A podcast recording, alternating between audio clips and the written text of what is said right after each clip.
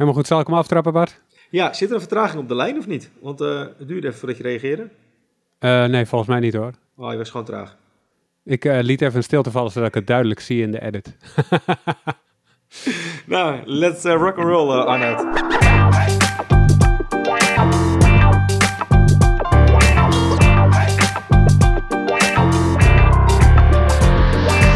Hey, welkom bij een nieuwe aflevering van een podcast over voeding. In deze podcastserie in, uh, in deze podcastserie in ga ik alweer Bart. In deze podcastserie gaan we in op de wetenschap achter voeding en laten we wetenschappers aan het woord over allerlei thema's die met voeding te maken hebben.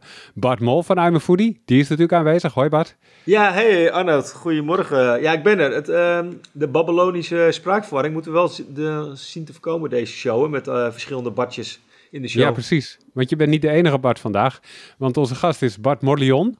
Uh, goeie, goedemorgen Bart. Ja, goedemorgen Arnoud en Bart. En Bart is hoofd van het Leuvens Algologisch Centrum, het multidisciplinaire pijncentrum van UZ Leuven. En is oud-voorzitter van de Europese Pijnfederatie EFIC. Uh, eh, pijnarts dus, zou je kunnen zeggen. Klopt dat zo een beetje, Bart? Ja, alhoewel het uh, geen erkende speciali medische specialiteit is, doe ik al meer dan 25 jaar niks anders. En noem ik me graag pijnarts, ja. Oké, ja, dat, het, het lijkt me ook een logische naam, want iedereen begrijpt dan gelijk waar het, waar het om gaat, denk ik. We gaan het vandaag hebben over chronische pijn en de, vooral natuurlijk de rol van voeding daarin. Ehm, maar waar we altijd beginnen, Bart, is uh, wat is nou een frustratie met betrekking tot voeding waar je afgelopen tijd tegenaan bent gelopen? Oh, een algemene frustratie die, die ik ook in mijn, mijn klinische praktijk vaak meemaak, is, uh, zijn de hypes. Ik, ik heb iets mhm. tegen hypes. En rond voeding zijn er ontzettend veel hypes. En ik denk niet dat het een verstandige weg is om in hypes mee te gaan, voedingshypes. Dus dat is mijn frustratie. En wat voor, wat voor voedingshypes uh, doe je dan op? Is dat... Ja, dan, dat, uh, dat is elke week weer iets anders. Dan komt er weer uh, een of andere bekende Hollywood-acteur met een, met een bepaald dieet. En dan moet dat weer gepromoot worden. Dan vind je dat overal terug. Ehm, dan wordt daar een pseudowetenschap rond bedreven. Dan is er weer een nieuw voedingsbestanddeel waar uh, iets geclaimd wordt. En zo gaan we van uh, ja, week per week, zou ik zelfs zeggen, naar nieuwe hypes.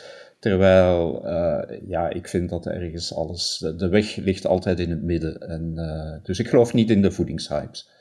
Nou, hier kunnen we elkaar in elk geval de hand schudden, want dit is ook iets waar, waar onze organisatie I'm a Foodie veel mee bezig zijn. Um, uh, ja, laten we even beginnen bij chronische pijn. Um, en om te beginnen even uitleggen hoe het eigenlijk werkt. Hoe, ja, hoe werkt het en hoe zit dat in het lichaam? Wat dacht je Arnoud? Ik ben gewoon met een hele grote brede vraag. ja. die, kunnen wel drie, die kunnen wel drie uur vullen man. Waarschijnlijk wel. Maar Oké, misschien een korte samenvatting aan Bart vragen. Want ik weet niet hoe lang Bart voor stof is. Maar anders zitten we hier uh, vanavond nog. Ik, ik ben in België verantwoordelijk voor wat we noemen de postgraduate opleiding algologie. Dus dat is dat dure woord voor leren van de pijn. En daar doen we twee jaar over. Dus ik ga mijn best doen om dit uh, in één, twee minuten samen te vatten, die twee jaar. Um, chronische pijn is eigenlijk uh, per definitie een pijn die langer aanhoudt dan drie maanden. Of, of regelmatig weerkeert gedurende drie maanden. En die komt heel vaak voor. Voor Nederland en België zijn er cijfers bekend dat dat varieert ergens tussen de 20 en 23 procent. Dat betekent dat 1 op 4 tot 1 op 5 Belgen, Nederlanders lijden aan een vorm van chronische pijn. En chronische pijn is net iets anders dan acute pijn. Bij acute pijn, als je kiespijn hebt, dan, uh, ja, dan is er meestal iets aan de hand. En dan gaat de tandarts dat verzorgen en is het probleem opgelost. Bij chronische pijn uh, is het niet meer zo makkelijk. Bij chronische pijn gaan de, de, zenuwen dermate veranderen dat je dat ook niet altijd opgelost krijgt door ergens uh, te gaan sleutelen in het lichaam. Maar wat kun je dan wel doen aan chronische pijn? Wat, wat zijn de meest logische vormen van pijnbestrijding dan? Ja, wanneer we kijken naar chronische pijn, gaan we natuurlijk altijd eerst kijken: kunnen we er nog iets aan doen als arts? En uh, artsen zijn dan gespecialiseerd in het gebruik van medicijnen en uh, wat we noemen interventionele pijntherapie. Dat zijn de spuiten, de prikken, uh, neurostimulatie, dus met elektrische stroom proberen pijn te behandelen. Dat is heel technisch allemaal. Maar veel belangrijker, vooral bij die langdurige chronische pijn, is, uh, zijn twee andere pijlers. Dus uh, bewegingstherapie is ontzettend belangrijk bij alle vormen van chronische pijn. En dan, ja, om het samen te vatten, trein het brein. alles wat te maken heeft met de veranderingen in het brein, dat kan je ook aanpakken met breintechnieken.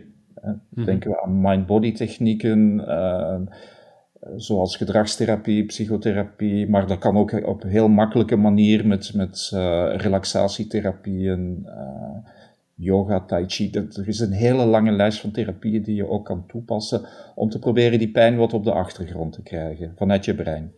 Ja, uh, voordat we daar verder op inzoomen. Uh, Bart, ik was gewoon even meer even een beetje globaal benieuwd met chronische pijnen. Wat praten we dan over? Is dat uh, knie, schouder, nek, onderrug? Ik bedoel, gewoon een meer van een globaal beeld te hebben van... ja. ja. Nee, terechte vraag. Dus wanneer we kijken naar waar komt die pijn voor, dan moeten we vaststellen dat meer dan 50% van alle chronische pijn te maken heeft met het spier en skeletstelsel. Musculoskeletale pijn heet dat dan. Dat is bijvoorbeeld lage rugpijn. Lage rugpijn staat zeker op kop. Chronische lage rugpijn, maar ook nekpijn, uh, schouderpijn, kniepijn, heuppijn. Die grote gewrichten, dat neemt toe naarmate je ouder wordt. En dat is heel typisch. Terwijl een andere pijn die ook vaak voorkomt, uh, hoofdpijn, die neemt dan weer af als je ouder wordt. Dat, uh, maar er zijn ook andere types die pijn die vooral dan in, in pijnklinieken, pijnpolies behandeld worden. Dat zijn zenuwpijnen. Uh, zenuwpijnen die heel lastig kunnen zijn, bijvoorbeeld na operaties, na ongevallen, maar ook bij onder andere voedingsziekten kan je ook zenuwpijnen ontwikkelen. Ehm, diabetes bijvoorbeeld, suikerziekte, dat kan leiden tot brandende voeten. Dat zijn zenuwpijnen.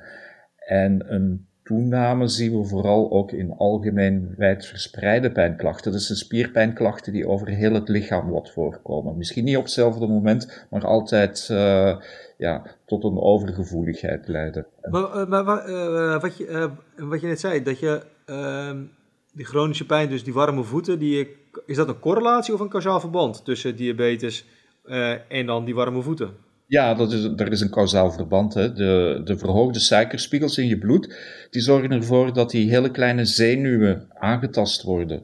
Die, die gaan echt stuk, die gaan niet meer normaal reageren. En dan krijg je die brandende voeten, uh, gevoelstoornissen, prikken, alsof er iemand met een bunzenbrander onder je voetzool zit. Dus kan, een bunzenbrander? Eventjes, uh, wat is de vergelijkbare woorden? Ja, een gasbrander onder je voeten. Een gasbrander onder je voeten.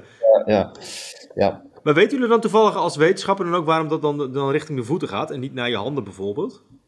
Ja, dat heeft vooral te maken met uh, de afstand. De afst het begint op de verste plek in je lichaam. En die, die heeft ook te maken met het transportmechanisme binnen de zenuwen. En vandaar dat die bepaalde klachten, vooral bij die aantastingen van die zenuwen, zoals bijvoorbeeld bij suikerziekte, maar er zijn ook nog heel wat andere ziekten die dat kunnen teweegbrengen, dan begint dat op de verste plek.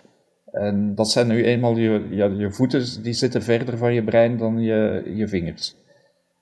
En hoeveel van die um, chronische pijn is puur fysiek? Of hoeveel zit er ook een psychologische component aan? Want bij bestrijding had je het heel erg over uh, body-mind dingen. Mm, ja, uh, ik hou niet graag van, van een term die soms gebruikt wordt, psychogene pijn, uh, alsof dat je pijn inbeeldt. De, mm -hmm. de, de meeste gevallen ga je echt wel hersenveranderingen kunnen waarnemen in, in hersenscans, in beeldvorming van de hersenen.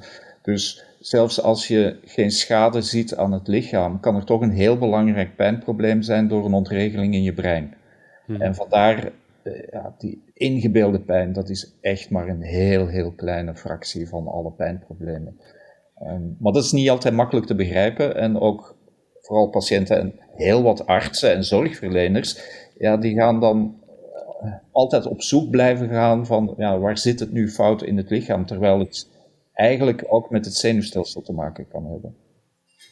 Kan je zeggen, Bart, dat er bijvoorbeeld de drie hoofdaanleidingen uh, ja, zijn dat chronische pijn kan ontstaan? Is dat dan een relatie met voeding, relatie bijvoorbeeld met een ongeval of sporten en ook gewoon simpelweg het ouder worden? Kan ik het globaal even in die drie groepen indelen of ben ik dan te rigoureus?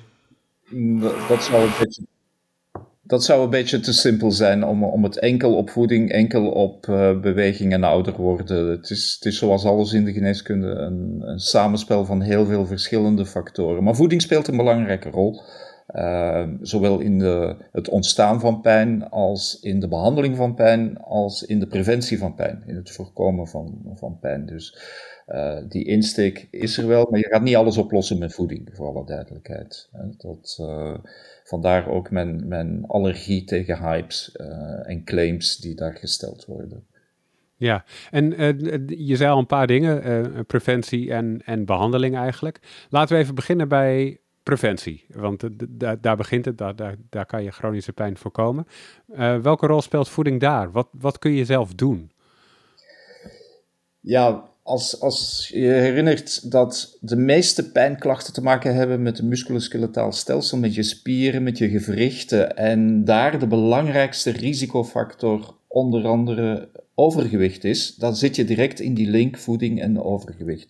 Mm daar hebben we heel harde cijfers rond. Als je bijvoorbeeld kijkt naar mensen met een uh, eh, BMI, en ik denk dat jullie luisteraars wel vertrouwd zijn met een BMI, een body mass index, en we spreken van overgewicht tussen 25 en 30. En uh, ik uh, ken jullie niet, maar ik zie jullie op dit ogenblik, jullie hebben een BMI onder de 25, schat ik zo, dat vanaf 25 tot 30 heb je 20% meer kans om chronische pijn te ontwikkelen.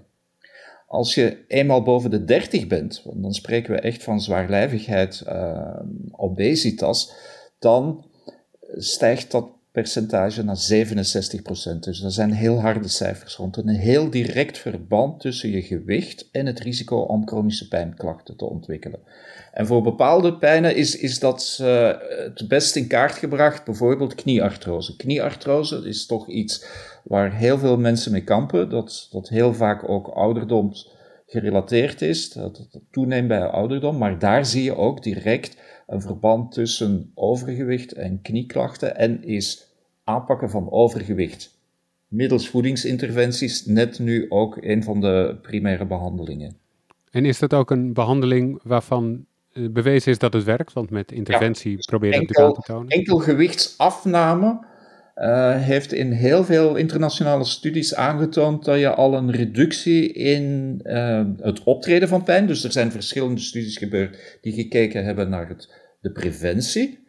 En daar heeft men kunnen aantonen, ja, als je met uh, afname van je lichaamsgewicht ga je ook het risico op de ontwikkeling van chronische pijn verminderen. Maar het is ook altijd nog zinvol, eens dat je chronische pijn ontwikkeld hebt, als uh, therapeutische maatregel om aan je gewicht te werken. Want dan ga je ook zien dat ook daar het percentage patiënten die er last van blijven hebben, ook begint te dalen. En zijn er dan specifieke soorten chronische pijn die uh, bij uh, mensen met een hoog gewicht vaak voorkomen? Bijvoorbeeld knieën, omdat er veel druk op staat, kan ik me voorstellen. Ja, maar ook de lage rugpijn. Uh, mm Eigenlijk alle musculoskeletale pijnproblemen. En de, de, het verband is direct en indirect. Hè. Je spreekt zelf over die mechanische belasting op gewrichten. Dat is, iemand, dat is het makkelijkste om uit te leggen aan een patiënt. Hè. Wanneer dat je bij traplopen, dan belast je je knie nog, uh, dat is niet maal 2, maar dat is makkelijk maal 8. Die, die gewichtsverhoudingen. Maar wat minder duidelijk is en moeilijker uit te leggen is aan een patiënt, overgewicht zorgt ook dat je hele uh, stofwisseling in je lichaam eigenlijk op een lichte ontsteking terechtkomt. Mm Het, het uh, metabole syndroom, waarbij we permanent een lichte ontsteking hebben in, je, in, in ons lichaam. En daarvan weten we dat het rechtstreeks die kansen, wanneer je eens een acuut pijnprobleem hebt, dat dan bij zo'n ontstekingssituatie in je lichaam veel makkelijker chronische pijn optreedt. En zijn er meer um, uh, factoren in voeding dan uh, een hoog gewicht om. Uh, ja. Als, wat, wat, wat, wat speelt er nog meer mee?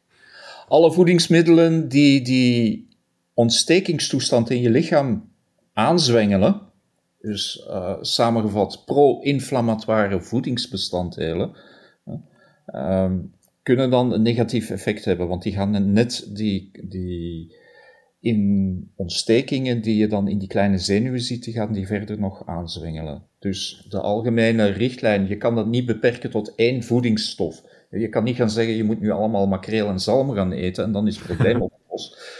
Maar het is het uh, globale plaatje van je dieet waar dat je vooral moet uh, overwaken dat je uh, de balans tussen je voedingsstoffen die ontstekingen kunnen aanzwengelen, eigenlijk in de minderheid brengen met stoffen en voedingsbestanddelen die net tegen die ontstekingen werken. En dan komen we, ont, ja, komen we automatisch weer op het gezonde verstand van gezonde voeding. Ja, maar kan je dan met, met, met die inflammatoren, uh, in ieder geval gewoon dat je, dat je dus producten hebt die dus de ontsteking uh, stimuleren eigenlijk in plaats van remmen. Dus even heel simpel, als ik dus een banaan en een appel eet, dan zal dat dus eerder de ontsteking remmen. Of dat mm -hmm. heeft misschien ontsteking remmende... Uh, Neutraler zijn. Ja, precies. Ja. En als ik bijvoorbeeld chips eet en chocola, dan zal dat meer de ontsteking gaan stimuleren. Moet ik het zo zien? Ja, prima. Ja, dat is, dat, daar komt het op neer. Dus uh, er zijn, als je heel veel verzadigde vetzuren in je dieet hebt, hè, dat, uh, de klassieke fastfoodbestanddelen, dan ga je makkelijker in je lichaam een vorm van ontsteking aanzwengelen. Die, die gaat gestimuleerd worden, omdat die ontstekingsstofjes die vrijkomen bij de metabolisatie, bij de stofwisseling van al die voedingsbestanddelen, die hebben meer uh, de eigenschap van ontstekingsprocessen aan te jagen. En van de andere zijde heb je dan ook uh, vetzuren die eerder beschermend kunnen optreden, die net het tegenovergestelde doen. En dan komen we automatisch bij de, de meervoudig uh, onverzadigde vetzuren terecht. En bij bijvoorbeeld de omega-3. Dat is, dat is, omega-3 is iets waar ik zelf ooit onderzoek rond gedaan heb, maar uh, niet in het verband met pijn. Dus ik ben van opleiding anesthesioloog en ik heb ook jaren op intensive care, of IC zoals jullie zeggen, uh, gewerkt. En daar heb ik onderzoek gedaan met uh, visolie rechtstreeks in patiënten te infunderen. Dat wil zeggen via een, een intraveneuze lijn.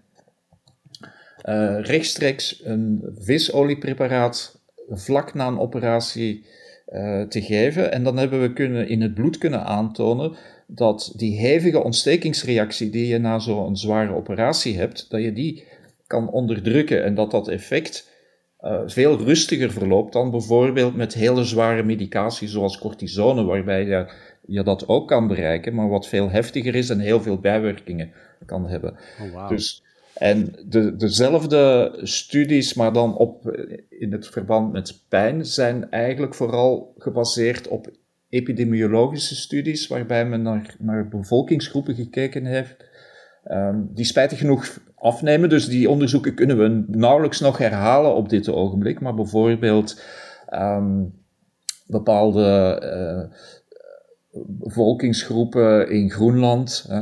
Um, en dan moet je altijd oppassen, die werden dan uh, in die publicaties van 20, 30 jaar geleden Eskimo's en Inuits genoemd.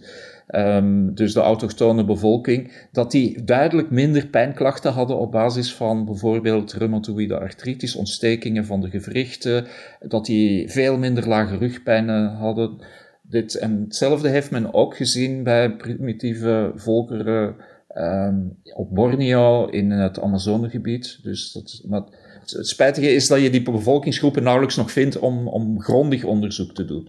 Uh, Bart, Bart, ik wil nog heel veel terug naar wat je uh, net zei. Omdat je zei dat, uh, ook omdat je dat onderzoek hadden gedaan, hè, mensen die dus zeg maar na een operatie gelijk dus eh, die omega vetzuren toe, toegediend kregen, ter herstel dan van de operatie? Of is dat dan ter voorkoming dat die ontstekingsremmers de, of, dan de, of de, ja, de ontsteking stimulans of zo dan de overhand krijgen? Want ik had juist ook eerder begrepen van ja, na een operatie moet je juist beginnen met eiwitten, omdat je daar dan ook alweer, dat heeft, dat heeft ook een positief effect op je herstel. Maar nu hoor ik dan bij, dat kan dus eigenlijk en-en, of wordt het omega voor een ander doel ja. ingezet? Maar voor alle duidelijkheid, uh, dit, die studie waar ik het net over had, die, die, die is al 25 jaar oud, is ook gepubliceerd, wordt ook vaak nog geciteerd. Uh, dat had ermee te maken dat na een, een zware chirurgische ingreep, dan gaat je hele lichaam in, ja, probeert zo snel mogelijk te herstellen en gaat in een hevige reactie, een hevige ontstekingsreactie om zo snel mogelijk herstel te leiden. Maar bij sommige patiënten is er een, een te heftige reactie, waardoor zij uh, allerlei orgaanproblemen ontwikkelen. En in de, dus de onderzoeken waar ik over spreek, is gewoon kijken, kan, kunnen we in, bij die patiënten die kunstmatige voeding nodig hadden op dat ogenblik, want je kan niet iedereen direct een mooie maaltijd dan voorschotelen, kunnen we daar de bestanddelen zo aanpassen dat we tot een meer optimaal dieet voor die eerste dagen na zo'n operatie kwamen. Dat was het doel van het onderzoek en die eiwitten spelen evenzeer een belangrijke rol. We weten bijvoorbeeld dat uh, glutaminezuur in die fase ontzettend belangrijk is. Dat, uh, dat is een van die aminozuren, dat is een eiwit, uh, bouwsteen voor de eiwitten. Dat hebben we net wat meer nodig op dat vlak. dus ik, ik, ik haal er nu enkel één voorbeeld van omega-3 uit, maar natuurlijk, je moet dat altijd in balans zien tussen je koolhydraten, je suikers, je vetten en je proteïnen, je eiwitten. En is er verschil in de voeding die je uh, zou moeten nemen ter preventie van chronische pijn en bij de bestrijding ervan? Of is dat hetzelfde? Eigenlijk, eigenlijk niet. Er, zijn maar enkele uitzonderingen. Hè, daar heb ik het nog niet over gehad. Er zijn maar dat komt bijna nauwelijks voor in, in, in de Benelux eh, en in West-Europa. Er zijn natuurlijk ook pijnsyndromen die veroorzaakt worden door bepaalde tekorten. Ik geef een voorbeeld. Er zijn uh, af en toe patiënten die echt wel een tekort hebben aan vitamine D. Omdat ze een verkeerd voedingspatroon hebben of dat ze een aangeboren uh, stofwisselziekte hebben, stofwisselingsziekte hebben of omdat ze zo uh, in het donker en geïsoleerd leven dat ze nooit aan het zonlicht komen. Die mensen kunnen pijnproblemen ontwikkelen op basis van een tekort. En dit zie je dan in, uh, ja, in ontwikkelingslanden, in landen waar dat er ondervoeding is, ga je veel vaker die problemen, dat verband gaan vinden. Maar dat vinden we eigenlijk nauwelijks hier uh, bij ons. De, de directe verbanden wanneer je dan gaat kijken de, de preventie en de behandeling van pijn, dan is het vooral ja, die, die, middenweg, die, die, die, wat we dan noemen gezonde voeding. Het gaat niet om het beklemtonen van één voedingsproduct of één specerij of kruid, want daar wordt ook heel veel onderzoek rond gedaan. Er zijn bepaalde kruiden en specerijen die, die wel extra effecten kunnen hebben op uh, pijn in positieve, maar ook soms negatieve zin. Maar het is vooral de gebalanceerde voeding die het belangrijkste is, altijd in combinatie met uh, andere levensstijlelementen en daar is beweging de allerbelangrijkste. Dus de sterkste verbanden tussen voedingsinterventies en gewenste effecten op pijn, die zie je het sterkst wanneer dat je diëten, gezonde voeding combineert met voldoende beweging. En daar schort het meestal aan bij heel wat patiënten met chronische pijn, dat die onvoldoende bewegen. Die, die gaan, uh, daar, daar, bestaat ook een, uh, een, medische term voor, kinesiofobie. Dat betekent angst om te bewegen, omdat ze schrik hebben dat ze dan meer pijn gaan krijgen.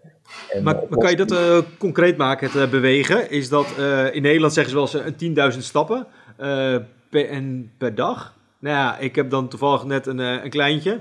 Dus dan uh, loop ik wel elke dag even door het bos heen. Maar dan loop ik een uurtje. Maar dan heb ik eigenlijk ook nog maar net een, 5000 stappen. Dan denk ik van nou, dat betekent eigenlijk twee uur per dag. En dan vind ik dat al voor mij persoonlijk al een best een, drukke dagbesteding. Met, alle, ja, met meerdere kinderen, werken, et cetera.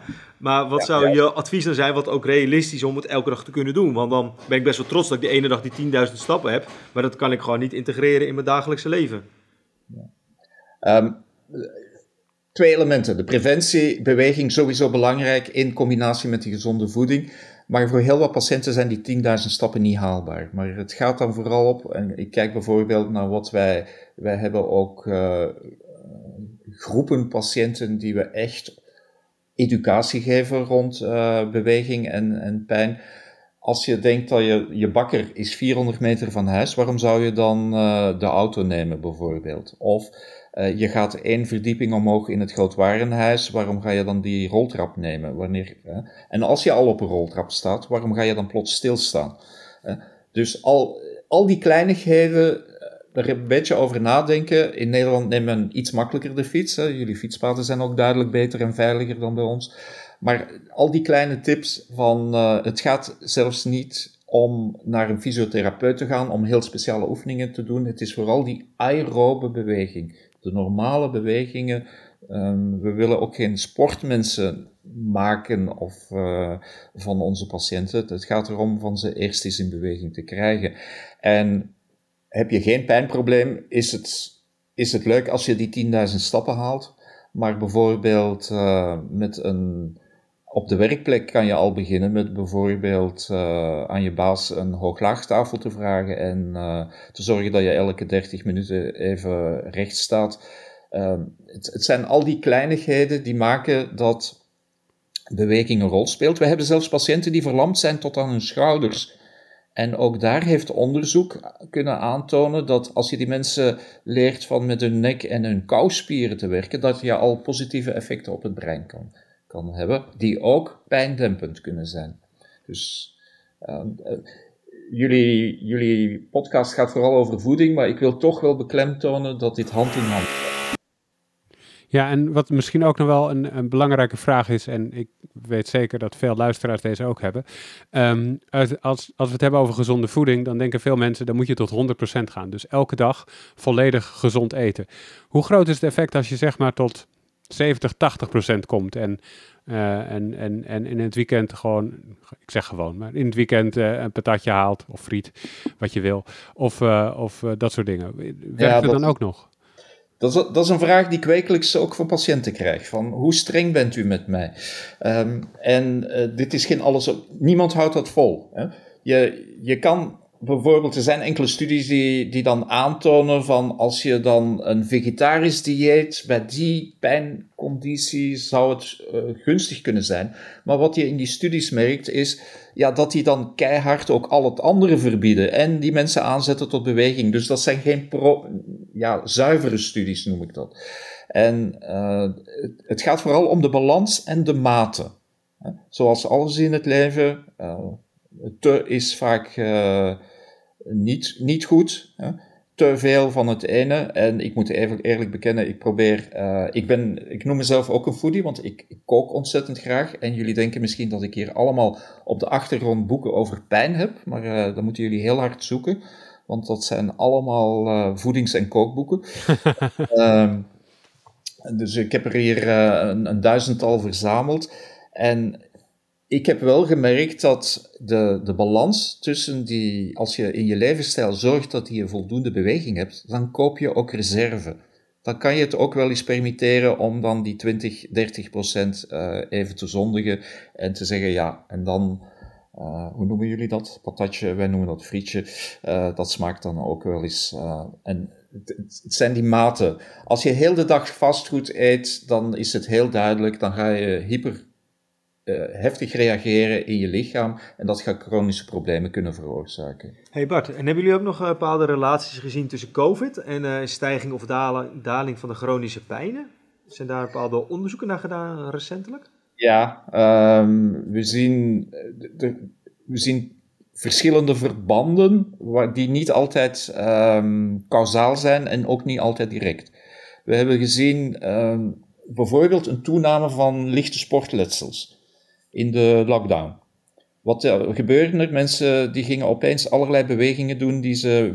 beweging wordt gestimuleerd, is heel goed, maar dan gingen ze overdoing doen. Ze gingen opeens wandelingen doen die ze in jaren niet gedaan hadden. En we zien dan enkelletsels en uh, knieletsels. Dus dat, dat noem ik een indirect effect van de pandemie. Dat heeft dan zelfs nog niet met de ziekte zelf te maken.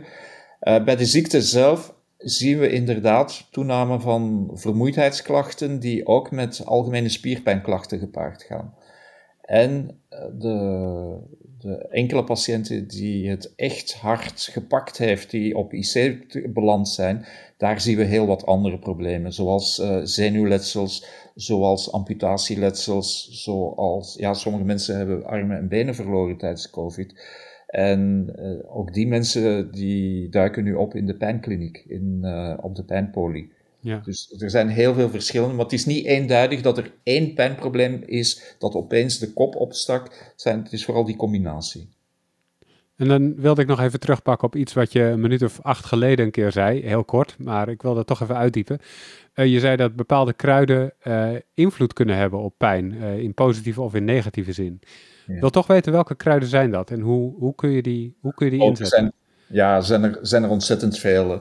Ehm, misschien kort even de aanleiding waarom zoveel eh, farmaceutische bedrijven weer interesse hebben in die, in die bestanddelen van kruiden en specerijen. Het heeft onder andere te maken met de opioïdecrisis, die vooral in Noord-Amerika toeslaat, uh, waarbij zoveel uh, doden zijn door heden te dagen vooral illegale inname van opioïde pijnstillers.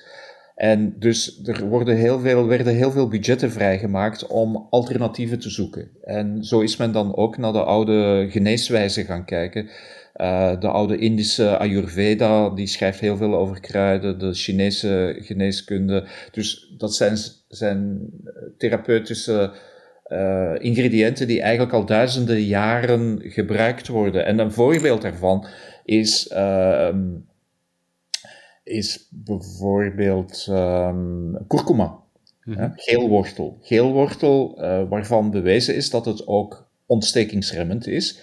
En een voedingssupplement met kurkuma, dat kan nuttig zijn bij bijvoorbeeld knieartrose. Daar, daar zijn ook wetenschappelijk uh, goed onderbouwde studies gebeurd. Maar daar wil ik direct voor waarschuwen. Um, in de zin dat er ook wisselwerkingen met andere medicatie en medicijnen beschreven zijn, waardoor dat je niet zomaar in het wilde weg uh, heel veel kurkuma uh, tabletten moet gaan bijnemen als voedingssupplement. Onder sommige omstandigheden kan het ook risico's dragen. En de, de problemen die we nu zien in de geneeskunde is dat er wel veel claims zijn die direct opgepikt worden door producenten van voedingssupplementen die mogen officieel geen geneeskundige kwaliteiten toewijten aan hun voedingssupplementen. En dat er eigenlijk een wildgroei is met weinig controle. Dus dat je nooit goed weet uh, hoeveel wordt er echt wel in het lichaam opgenomen. Uh, bijvoorbeeld van kurkuma. Kurkuma wordt niet opgenomen. Dus mochten luisteraars op het idee komen van ik koop gewoon een zakje uh, kurkuma bij de toko en ik ga dat nu zo uh, innemen, dat komt niet aan. Dus dat wordt niet voldoende in het lichaam opgenomen. Dat wordt pas opgenomen als je voldoende zwarte peper gaat bijvoegen en dat in een oliemilieu inneemt. Dus okay. er moet olie zijn en er moet zwarte peper zijn.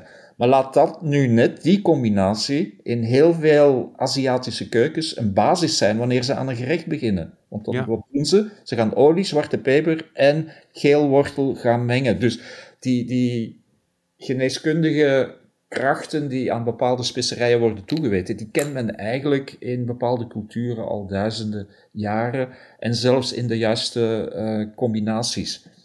En de dosering helpt dan ook, zeg maar, als je zelf thuis een curry maakt met, met curcuma erin. Ja, maar je hebt geen enkele controle hoeveel ben je nu eigenlijk aan het innemen. Dus nee. uh, op, op, op geneeskundig vlak zou het beter zijn als ergens een bedrijf, een farmaceutisch bedrijf, de verantwoordelijkheid zou nemen om dit echt voldoende wetenschappelijk te onderbouwen, om dit ook als medicijn op de markt te kunnen brengen, in de plaats van als voedingssupplement, waar we niet weten van uh, ja, wat is nu de correcte dosering en kunnen we het in die dosering, uh, blijft het een voedingssupplement of wordt het een geneesmiddel? Daar ligt toch wel een verschil en er liggen ook, uh, ook risico's. Een ander voorbeeld, iets dat, we, dat ik dagdagelijks bij mijn patiënten gebruik, is chilipeper. Mm -hmm. Capsaicine. Capsaicine is het prikkelende stofje uit chilipeper. En daarvan is ook voldoende wetenschappelijk bewezen, als je dat in een hoge concentratie op de huid kan aanbrengen, dan kan het bepaalde zenuwpijnen um, positief beïnvloeden. En het hitte-effect kan heel nuttig zijn bij spierpijnen. Oké, okay, want ik zou maar denken dat dat heel inflammatoire uh, is, maar dat is dus niet zo. Um, de, in, de, in de pijnstillende werking is, is dat ondergeschikt. Het is vooral het prikkelende element okay. dat, dat ontzettend belangrijk is. Ja.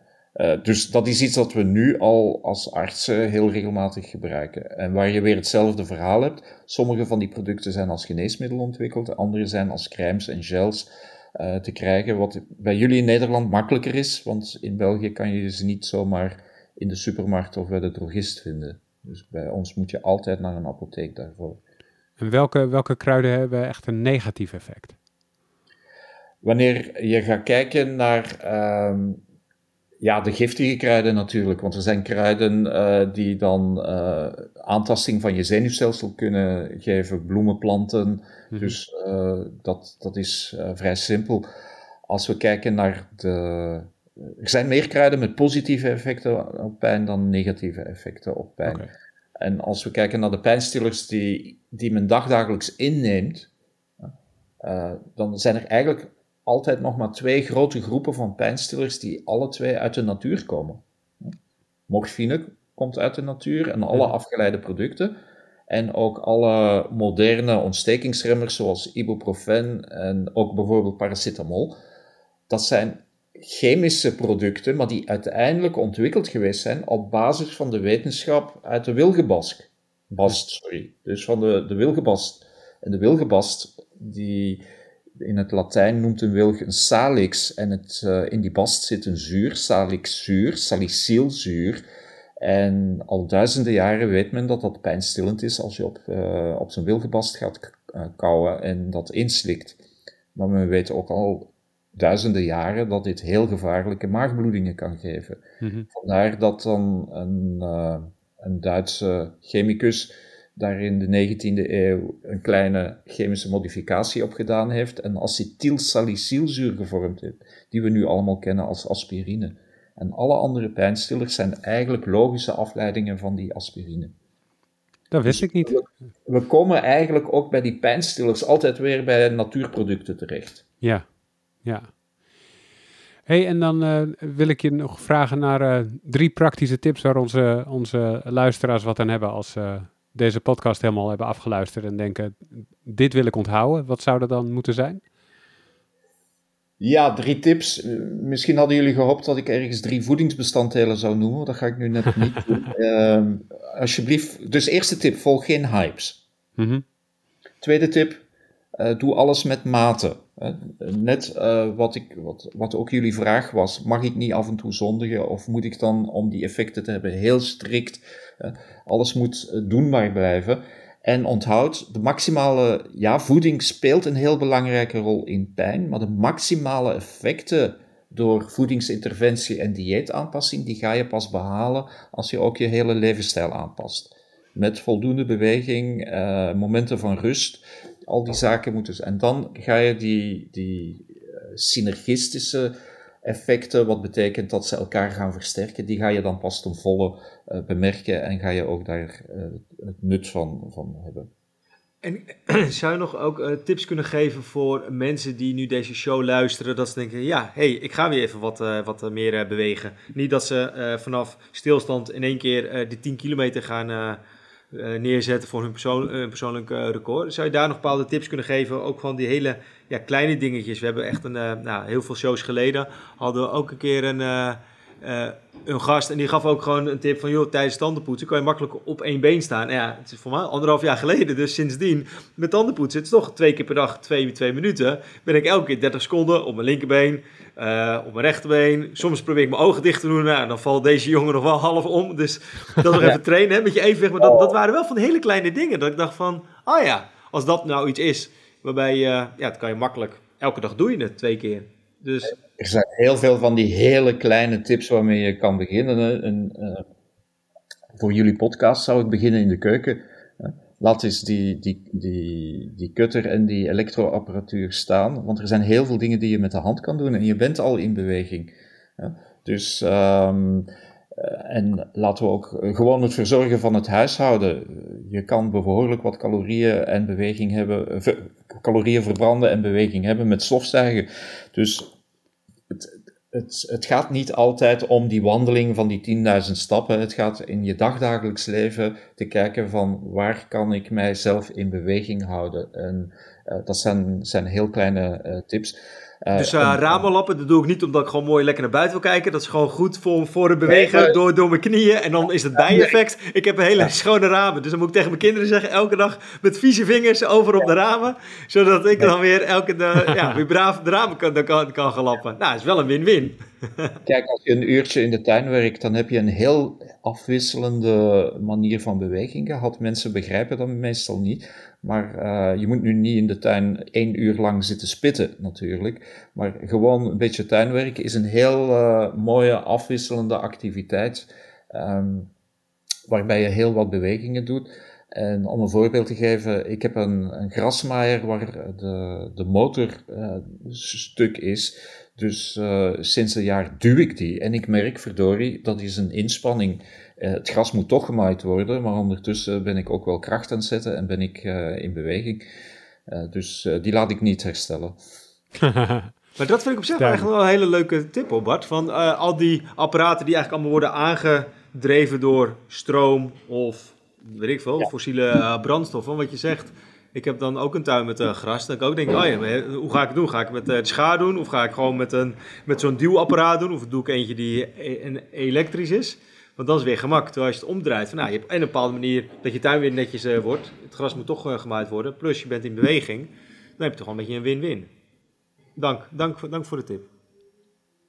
Ja, het is duidelijk. Beweging zit in dagelijkse dingen en niet per se in de, de grote sportieve activiteiten. En ehm, eh, wie zouden we als, ook als gast in deze podcast moeten hebben, Bart? Oh, ik, ik, moet bekennen, dat was een moeilijke vraag, omdat ik natuurlijk in Vlaanderen leef en uh, niet al jullie, maar ik zou algemeen stellen, ik heb nu niet naar de lijst gekeken wie jullie allemaal al als gast gehad hebben, maar ehm, ik denk dat ook eens een, een echte chefkok met naam in jullie programma aan bod mag komen. Um, en we hebben een Nederlander die in België heel beroemd is, Sergio Herman, mm -hmm. uh, die ook wel eens iets uh, heel, heel zinnigs over voeding en dan het verband in, in het, het culinaire kan brengen. En wat ontzettend belangrijk is op wetenschappelijk vlak en medisch vlak, is de verbinding tussen je darm en je brein. En uh, op dat vlak heb ik een collega ook bij ons aan de universiteit, professor Lucas van Oudenhoven, die daar heel, uh, zeker heel nuttige tips ook in kan geven. Hey Bart, en ik bedoel de Bart van I'm Foodie. Heb jij tot slot van deze aflevering nog iets wat je onder de aandacht wil brengen? Ja, nou, uiteraard. Dat is natuurlijk, uh, wordt vriend van de show. Dus vriendvandeshow.nl slash pof. Podcast over voeding. Voor, uh, voor uh, vriend van ons. ja, mede door de hulp van onze fans en vrienden. Dan kunnen we dus hele mooie shows maken. Maar ik wou Bart ook nog eventjes, Bart, Bart, de gast, wou ik dan eventjes nog even zeggen. Want die heeft ook een boek geschreven. Maar daar kan Bart meer over vertellen. Bart, waarom zou je boek moeten kopen? Um, ik heb een boek geschreven voor het algemene publiek over pijn. En heel wat wat ik verteld heb, komt daar heel gedetailleerd aan bod. Um, wat is pijn? Wat is chronische pijn? Wat kan je er tegen doen? En vermits ik zelf ook een foodie ben, is er ook een belangrijk hoofdstuk rond voeding en pijn in opgenomen.